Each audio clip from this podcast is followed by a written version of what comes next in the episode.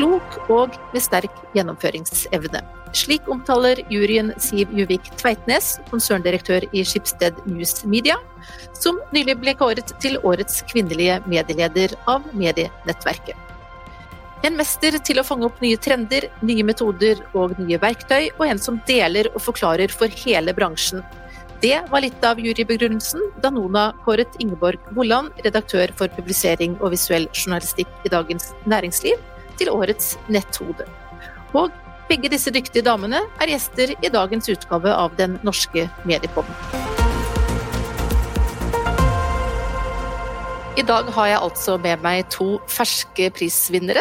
Gratulerer så mye både til Siv Juvik Tveitnes og til Ingeborg Woland. Tusen takk. Og jeg skulle jo gjerne hatt dere sammen med meg her i studio, men uh, dere som hører på vet jo hvorfor. Uh, det er fortsatt koronarestriksjoner, og det betyr at uh, dette er et digitalt opptak. Men det tenker jeg skal gå helt fint. Det er vi jo blitt vant til etter hvert, selv om vi får håpe at det snart blir andre tider. Og vi skal selvsagt snakke mer om hvorfor dere to har fått disse prisene, men aller først, det var jo knivskarp konkurranse her, både på den ene og den andre arenaen. Så hvordan eh, føltes det, for å stille det forslitte spørsmålet, i det øyeblikket dere fikk vite at akkurat dere fikk de respektive prisene? Siv, du var vel den som eh, var først ute her?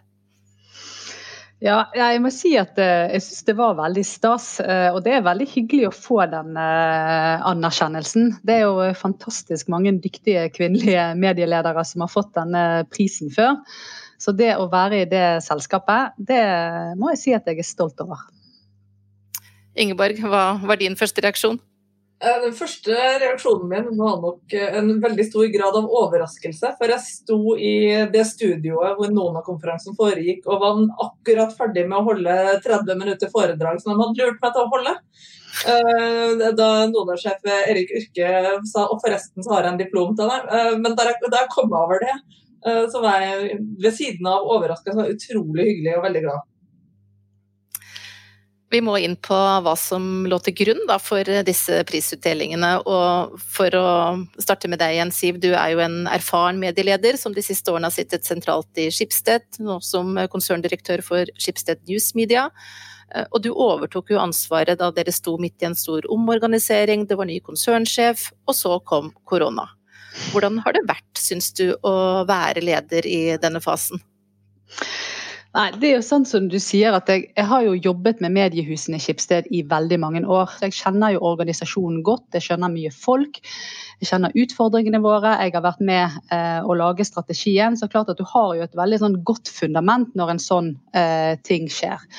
Men lederoppgaven dette året har jo vært eh, krevende. Eh, det har vært, eh, handlet jo veldig mye om å samle folkene. Sant? Få en veldig sånn felles forståelse av hva vi faktisk står i. få folk til å, å, å, å skjønne at her må vi, må, vi, må vi, handle. Og jeg må jo si at det var jo en veldig krisemaksimering når dette skjedde. Det var ikke så veldig vanskelig å få folk med på det vi ble veldig enige om liksom, de tingene vi måtte jobbe med. Så det har jo handlet veldig mye om å stå samlet. Eh, ha en veldig liksom, tydelig plan for hva vi må ta tak i. Eh, og har hatt eh, tydeligere oppgaver for hvem som skal eh, jobbe med hva. Og har jo kommet ut av dette på en, på en god måte, må jeg si.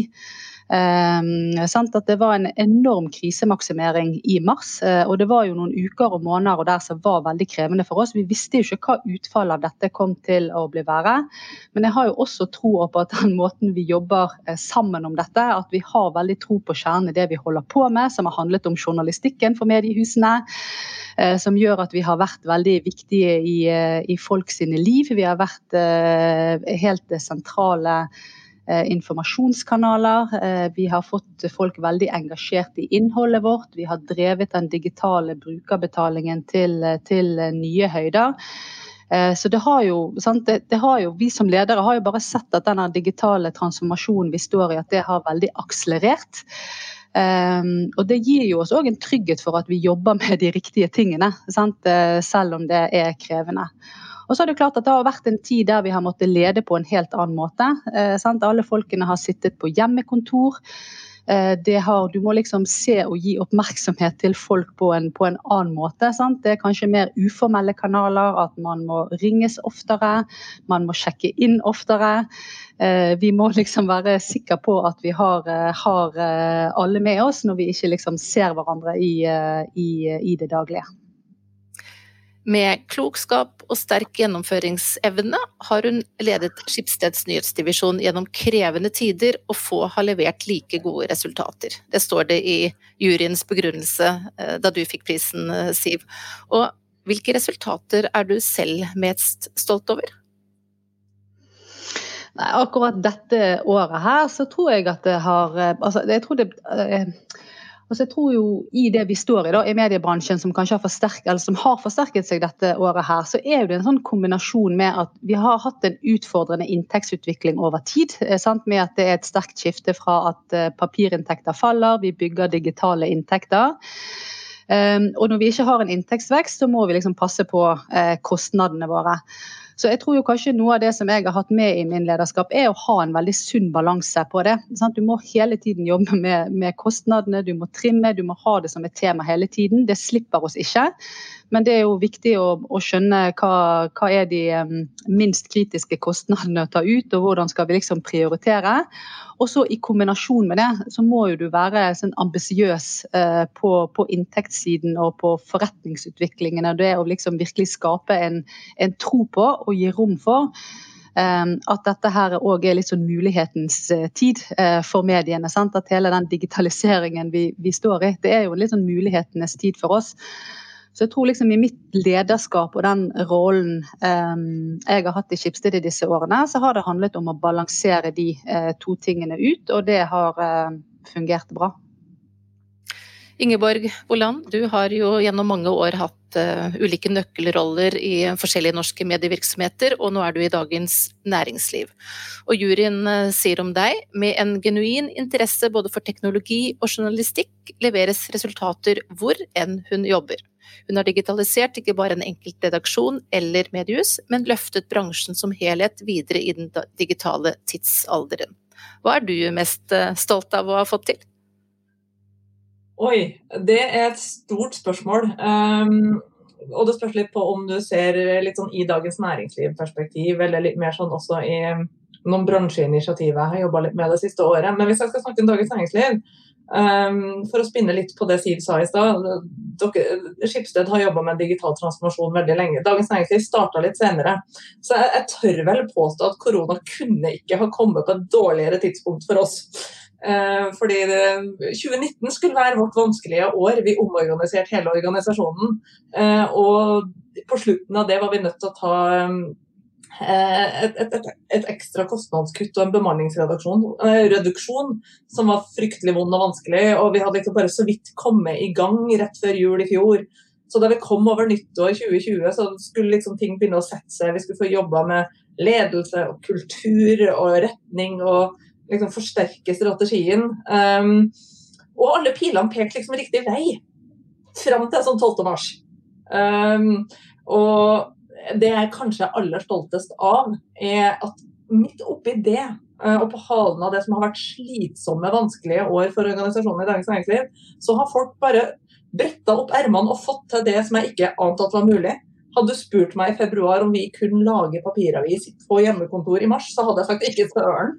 Eh, det kunne vi. Det viste seg jo det at vi kunne det. og Hadde vi ikke gjort de investeringene vi har gjort de siste åra i teknologi og, in og, infrastruktur og sånt, så hadde vi fysisk ikke kunnet gjort det. Nå var det mulig. Så det viser jo også at de liksom, grepene vi har gjort for å vende hele dagens næringsliv i retning av en framtidig digital tilværelse, eh, enn, så eh, enn så lenge og i ukjent hvor lenge, med en kombinasjon av digital og papir, men liksom med retninga framover på det digitale, eh, det har funka. Og, og, deretter å se at under vanskelige forhold, og uten å ha liksom rukket å jobbe seg sammen i nye team og nye prosesser, så har folk liksom bare fiksa det. da. Så utover høsten, når vi liksom er ferdig med liksom den umiddelbare koronahåndteringa som Siv beskriver, kostnadskutt og stramme budsjetter og sånt som alle vi har drevet med, så ser vi jo at vi har den beste journalistikken Kanskje det beste journalistiske halvåret min sjef Amund Juve kan huske. I Dagens Næringslivs historie, og Amund har sittet ganske lenge. Uh, og, og, det gjør vi med digital gjennomslagskraft. Altså, jeg har sittet og kosa meg med litt statistikk i det siste. Uh, litt sånn anlagt, og, og ser jo at uh, hver dag så er det mer enn en fjerdedel flere abonnenter som bruker oss nå enn det var for, siden, nei, for et år siden. Og vi har dobla plusstrafikken vår de siste to årene. Vi hadde på en måte ikke trodd det var mulig.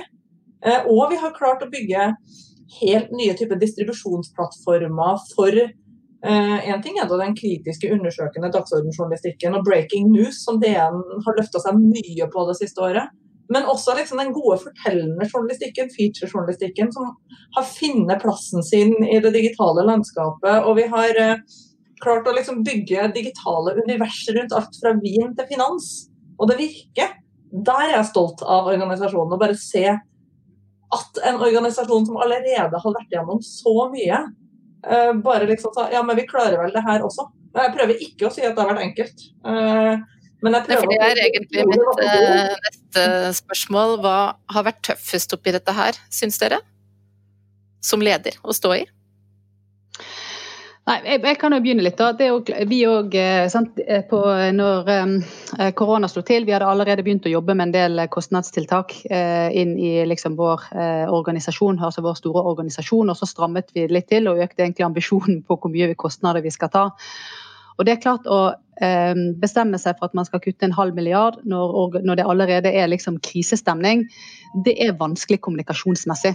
Eh, så det å jobbe med en, liksom en troverdig kommunikasjon som organisasjonen kan liksom tro på, at eh, vi gjør dette for å bygge fremtiden vår, vi gjør det for, uh, for at det er, er, nødvendig nå, at vi skal skape rom for, for investeringer det er jo, vi er jo, selvfølgelig, Jeg har jo en organisasjon som er veldig distribuert sant, mellom Oslo, og Bergen, og Stavanger og, og, og, Stockholm, så folk er på veldig ulike steder. Men det å liksom samle alle disse rundt, eh, rundt dette temaet når det først er krise, eh, det, det syns jeg var veldig vanskelig. Eh, og Det krever liksom mye forberedelse på, på, hvordan du skal fremlegge det, hva historie er det du skal liksom fortelle, hvordan skal vi gjøre det, hvordan skal du holde alle disse menneskene liksom, Eh, informert og være så transparent som mulig eh, du kan gjennom en sånn eh, prosess.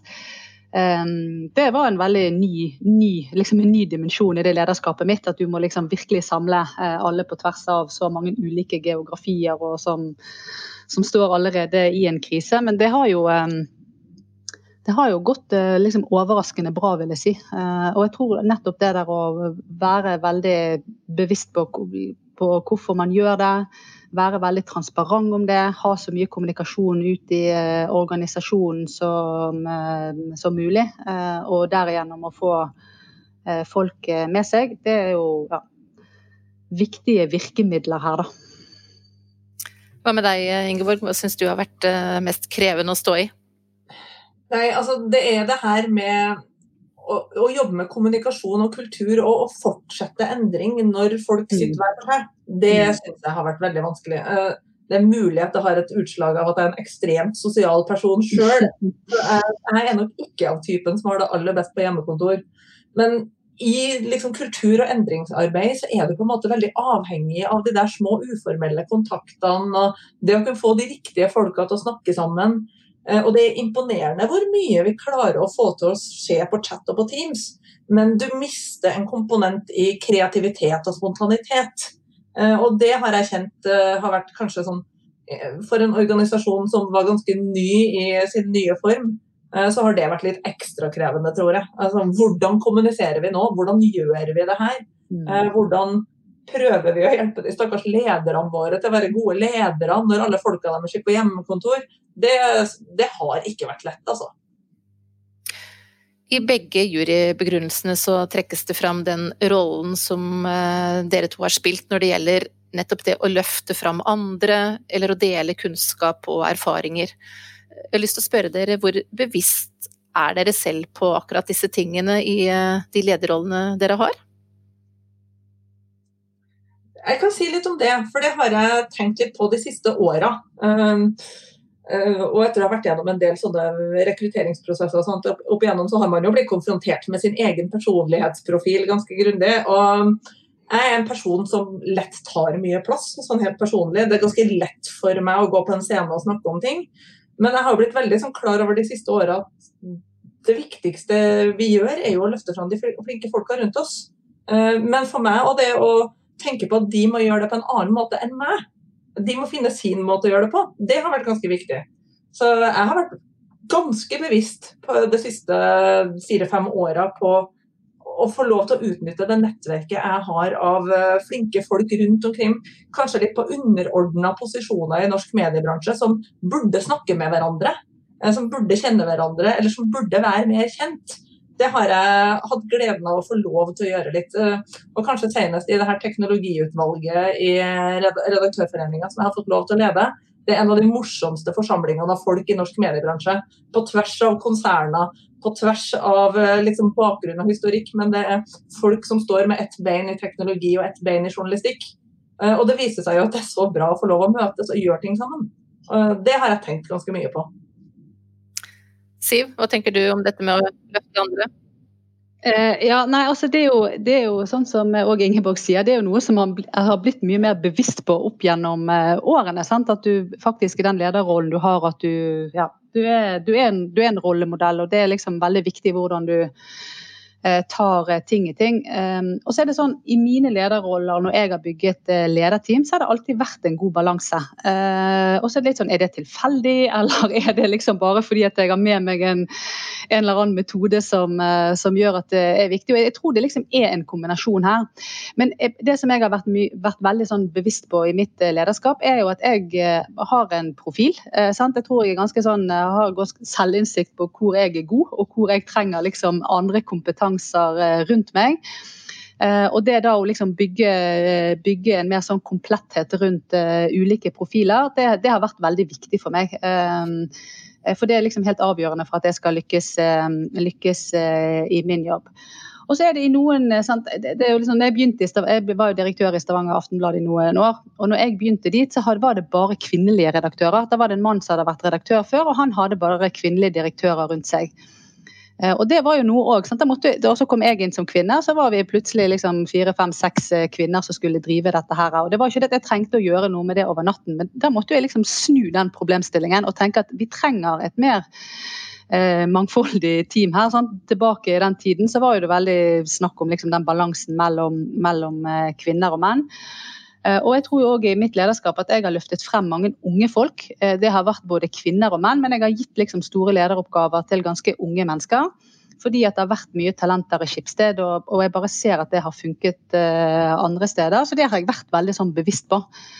Um, og hentet uh, både eksternt og innad i Skipsted unge folk inn i lederposisjoner. Og så har jo dette her utviklet seg um, over tid, og når jeg laget mitt lederteam nå Eh, i den organisasjonen vi, eh, vi, har nå, så er jo man bevisst på alle disse dimensjonene. Da er det sant? kunnskap, erfaring, eh, skjønn er en dimensjon. For meg har land vært en dimensjon, fordi at jeg leder en organisasjon som går på tvers av Norge og Sverige. Noen lederroller har vært naturlig å videreføre.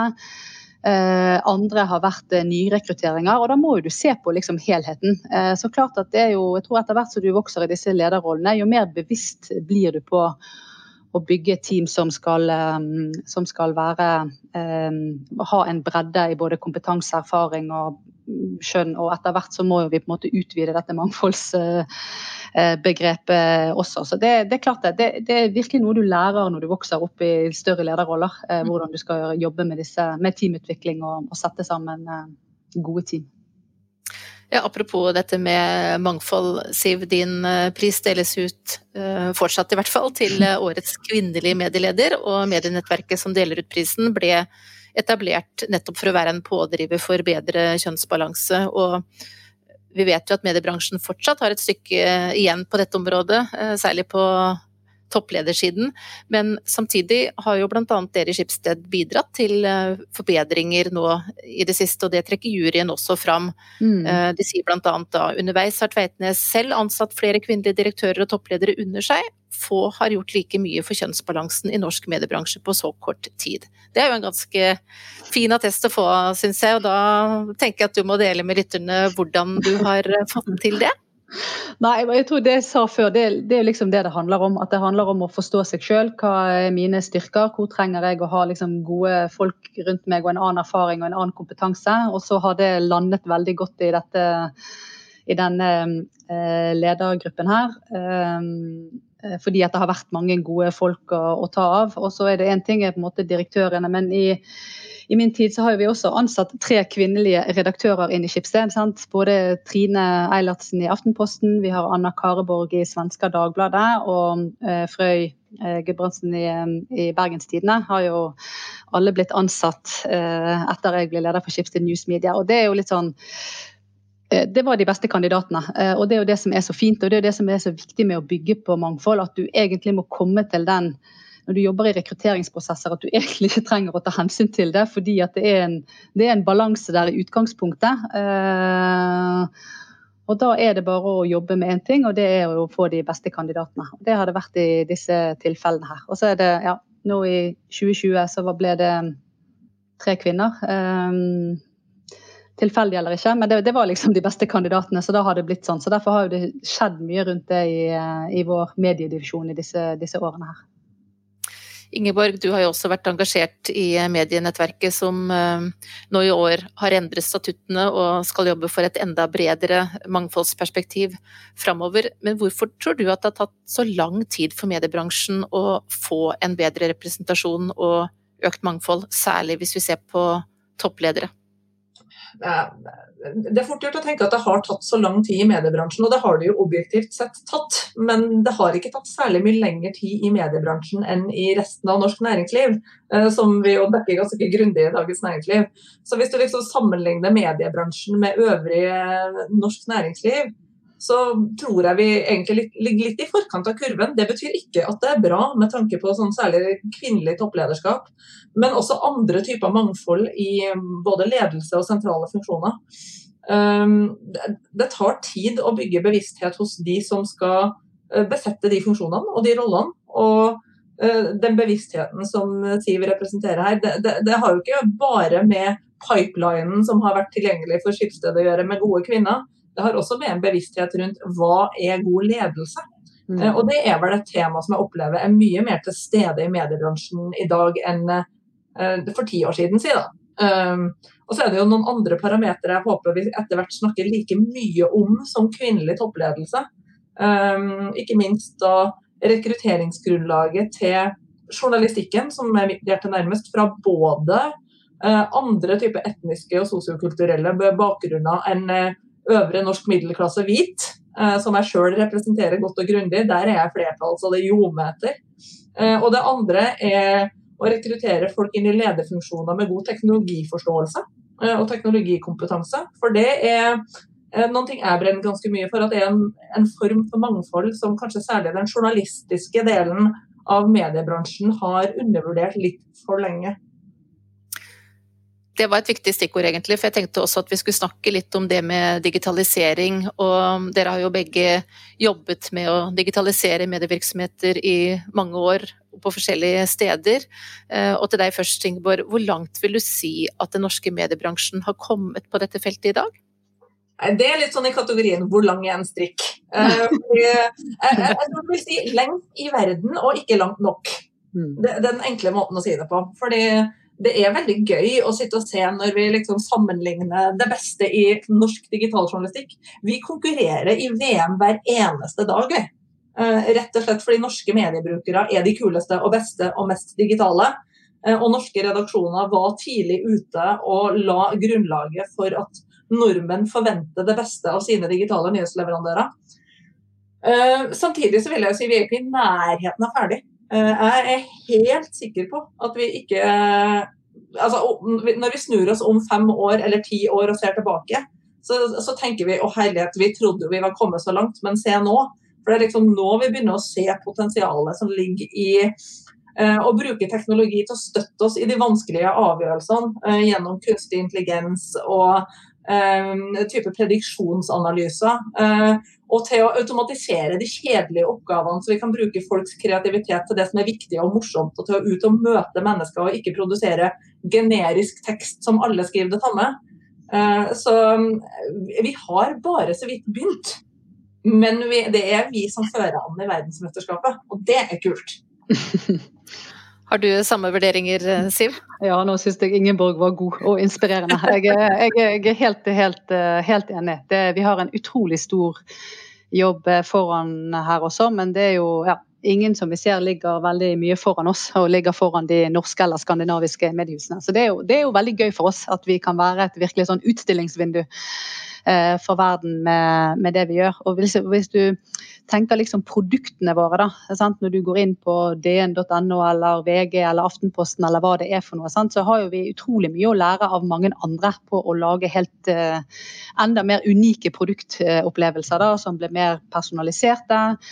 Um, og hvor du kan ta ja, mye av det som skjer i, i uh, gode produkt- og teknologimiljøer over i vår bransje. Uh, og dette kommer jo til å handle om å ha et uh, veldig godt og relevant innhold, og ha liksom, en brukeropplevelse som ikke folk kan klare seg uten. Og der har jo fremdeles våre tradisjonelle aviser en, en, en, vei å gå. Men det er jo bare veldig gøy og veldig inspirerende, og det skal vi få til, altså. Hva betyr ledelse i eh, denne type endringsprosesser? Hvor viktig er den komponenten for å lykkes, og hva krever det av eh, ledere for å få til en såpass eh, stor endring som en slik transformasjon faktisk representerer? Nei, Det er viktig. Altså, ledelse er veldig viktig. Det har alltid vært viktig, og det er overhodet ikke noe mindre viktig nå. Det er bare, kanskje bare at liksom, ja, at er, deler av ledelsen vår eh, er i, også i eh, endring. Uh, og jeg tror jo for vi som ledere at det er, det er liksom viktig at vi er liksom veivisere. Sant? Vi står i mye usikkerhet, det er utrolig mange bevegelige parter i det, vi, i det, vi, gjør. Vi vet liksom ikke helt hvor dette kommer til å ende, men det å tegne et målbilde og stå for det og kunne liksom skape en, liksom en, en trygghet for det i organisasjonene våre, det tror jeg er veldig viktig. Men så er jo da klart at ehm, eh, vi som ledere òg må jo gi veldig mye eh, altså Vi må jo gi veldig mye rom eh, for at folk har et veldig sånn eget driv. Sant? De gode ideene kommer jo ikke fra oss ledere, det kommer fra organisasjonen. Det kommer av at vi setter sammen tverrfaglige team. Det kommer av at vi tillater liksom, innovasjon og produktutvikling på liksom, i organisasjonene våre. Og i det så må vi være eh, må vi liksom fasilitere for at det faktisk eh, skjer, at vi gir rom for det. Både å jobbe med den idéutviklingen, men òg investere i det når det er, er gode ideer. Så det, det, det, tror jeg er veldig veldig viktig. At du må liksom bare lykkes på begge de eh, dimensjonene her.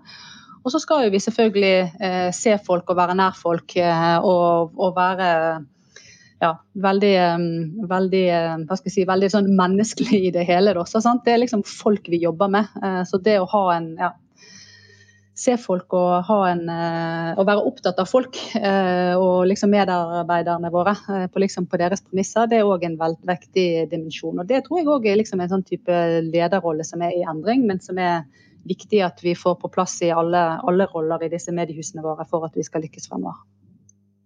Ingeborg? Jeg, blir, sånn, jeg, sitter bare og nikker intenst når Siv snakker nå. for jeg, kjenner så, jeg kjenner meg så igjen eh, i, i liksom hennes tanker rundt det her. Fordi eh, jeg tror på en måte ledelse er både mer og mindre viktig. I den forstand at akkurat det begrepet om å peke retning og si hvor vi skal, men deretter gi frihet og tørre å stole på at har du flinke folk og har du investert tilstrekkelig i de folka og gitt dem trygghet til å tørre å ha ideer, til å tørre å teste, Ehm, så, så, så, belønner vi det. Det tenker jeg er noe av det viktigste vi gjør som ledere. Og det er jo noe av det som, eh, en, som jeg sa, har vært det aller vanskeligste med et år på hjemmekontor. Eh, er å prøve å legge til rette for de der små møtene mellom de som ikke ellers snakker sammen. Eh, og det å bygge opp synligheten til andre typer profiler og kompetanse i mediehusene. For det krever ledelse å gi andre typer hva skal jeg si, fagkompetanse makt enn de som har hatt det før. Eh, det er en viktig oppgave i ledelse. Å bygge den kulturen eh, hvor det går an. Vi har jo snakket om eh, korona egentlig i mange sammenhenger nå gjennom denne samtalen, naturlig nok, fordi det er det vi alle har stått i det siste året. Og jeg tenker på da litt rundt hva har dere lært av den situasjonen som vi har stått i nå siden mars, og er det noe som dere allerede nå tenker at ja, det kommer vi til å gjøre annerledes enn vi gjorde før, når vi en gang kommer tilbake til en slags normalitet igjen?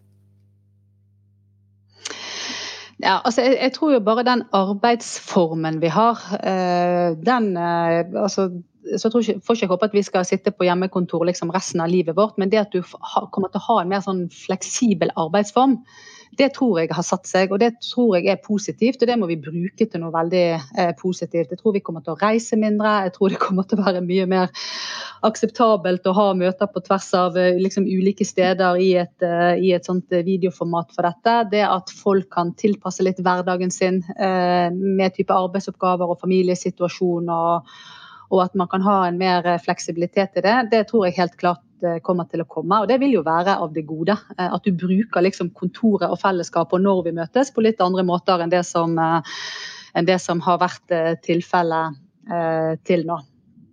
Ja, så det, det, er jo liksom én ting. Så tror jeg liksom tilbake til det liksom jeg sa i sted også. Det, det, det, at du må ha ledere som er litt sånn veivisere, det at du må legge rom for den der kreativiteten og innovasjonen, og at det kan skje Eh, selv om man, eh, selv om man sitter på, på, på, ulike steder. Det må vi også fortsatt bare dyrke, dyrke frem. Og så handler det òg om å, det å gi oppmerksomhet og se folk. Det kan òg ta litt andre former. Er bare, folk er bare en telefonsamtale unna. Eh, så hvis man vet at ja, ser vi ikke har snakket med noen på en stund eller trenger å ta en check-in, så tror jeg òg at det kan være liksom lavere terskel for det. Å komme i nærheten av folk selv om man ikke trenger å møtes fysisk.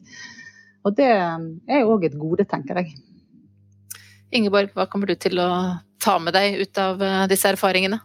Nei, mye av det samme som Siv sa nå, men i tillegg um, noen ting rundt betydninga av teknologiarkitektur. Ja. Hvis, jeg så, uh, hvis, jeg skal bli litt sånn teknisk og kjedelig. Uh, fordi det å ha byggeklossene som gjør det mulig å ha en smidig organisasjon, å ha de beste produksjonsverktøyene, ha gode nok data om både innholdet og brukerne våre til at vi kan sette sammen i en slags sånn legostruktur av eh, denne målgruppa de får vi tak i gjennom kombinasjonen av en podkast og et nyhetsbrev og en videosatsing. Mens mm. de her andre, der må vi bruke helt andre virkemidler. Eh, og internt så må vi ha de her verktøyene for at det skal gå smidig. Um, jeg har blitt mer og mer opptatt av hva er, hva er liksom de tekniske forutsetningene for at folk skal kunne ha det gøy i en desentralisert verden. Det, jeg, det, det kommer jeg til å fortsette å tenke på. Vi har kommet langt, men vi har mye igjen, da. Ja, det er et veldig, veldig, godt poeng, Ingeborg. Ja, og så har vi lært oss å si du må mute. Så vi Jeg vet jo at ingen av dere er eh, damer som hviler på deres eh, laurbær, og selv om eh, dere nå har mye å glede dere over i forhold til det dere har fått til, som ligger til grunn for prisene dere nå har fått, så har jeg lyst til å spørre dere om hvilke ambisjoner dere har for året som ligger foran oss. Hva er det viktigste du skal få til i 2021, Siv? Åh, oh, nei, det er jo Jeg håper vi skal få til utrolig mye på, liksom, på produktutvikling, eh, på å drive frem den eh, digitale abonnementsøkonomien. Eh, at vi liksom virkelig skal se at det skjer veldig mye ny innovasjon rundt, rundt medieproduktene i Skipsted. Det er virkelig en, en ambisjon, altså. Så, så jeg håper virkelig at 2021 kan være et år der vi kan jobbe mye med liksom vekstinitiativer, innovasjon, produktutvikling. Eh, og bare ta en liten sånn eh, pust i bakken fra, fra kostnadene.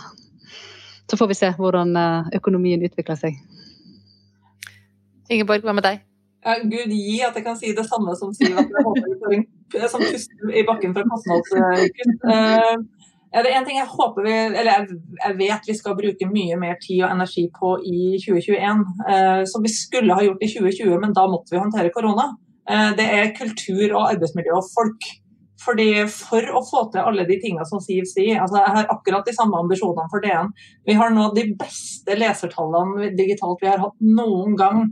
Vi ser at det var ikke et forbigående koronablaff. Vi har klart å lage noen ting som folk faktisk virkelig liker. Da må vi fortsette å bygge på det.